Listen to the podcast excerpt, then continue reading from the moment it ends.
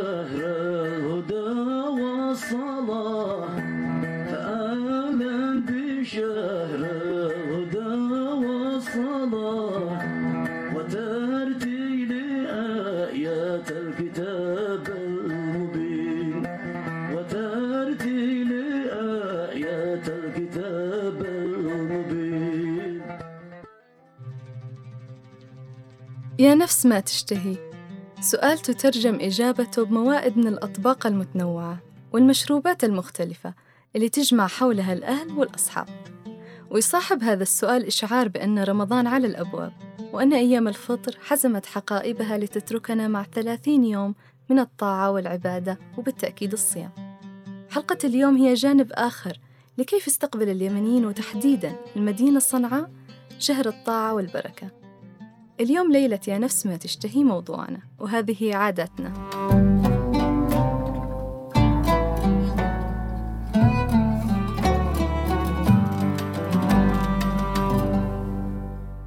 ليلة يا نفس ما تشتهي. هي عادة من الفلكلور اليمني مشهورة بشكل كبير في مدينة صنعاء وضواحيها.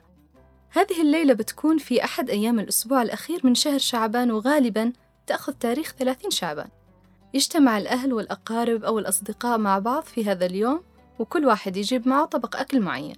تتنوع الأطباق بين الحلويات المعجنات والأطباق الشعبية بجانب المشروبات المتنوعة زي القديد والزبيب وعصائر الفواكه والشاي وغيرهم. وتشبه هذه الليلة الشعبنة في بلاد الحجاز. وعشان النساء يأخذوا قسطهم من الراحة قبل دخول شهر رمضان وموائده الكبيرة. ورغم كل ما تمر فيه اليمن إلا أن هذه العادة ما زالت موجودة إلى اليوم.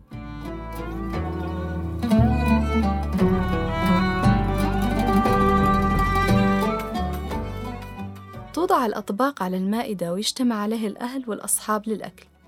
تأخذ في هذه الموائد البيوت الفقيرة وأصحاب السبيل قسمهم من الأكل والشرب حيث أنه لا يوجد في هذه الليلة فرق بين الفقير أو الغني والكل يتشارك نفس المائدة. بعدها تبدأ الليلة وكل عائلة لها طريقتها الخاصة في تمضية بقية اليوم.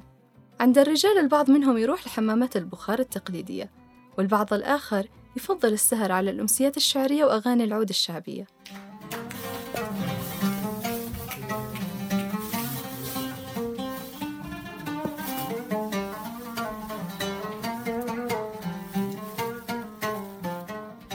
أما عند النساء تستكمل الليلة بألحان العود والأحاديث الطويلة مع الصديقات والأقارب.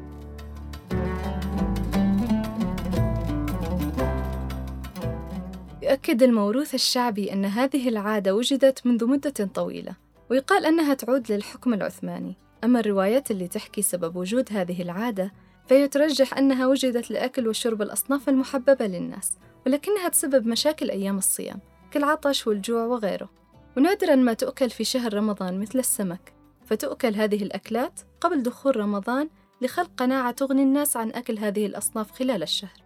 وروايات ثانية وهي الأرجح تقول أن هذه الليلة هي وداع لأيام الفطر والكل ما تشتهيه النفس عشان يدخل الشخص في جو رمضان ويركز في العبادات والطاعات وما ينشغلش بنفسه وما تشتهيه فبالتالي ينغمس الأفراد في ملذات الحياة ويبعدوا كل ما بداخلهم من رغبات عشان يوهموا أنفسهم إنهم الآن مستعدين لتحمل مشقة الصيام ونيل أجر العمل في رمضان.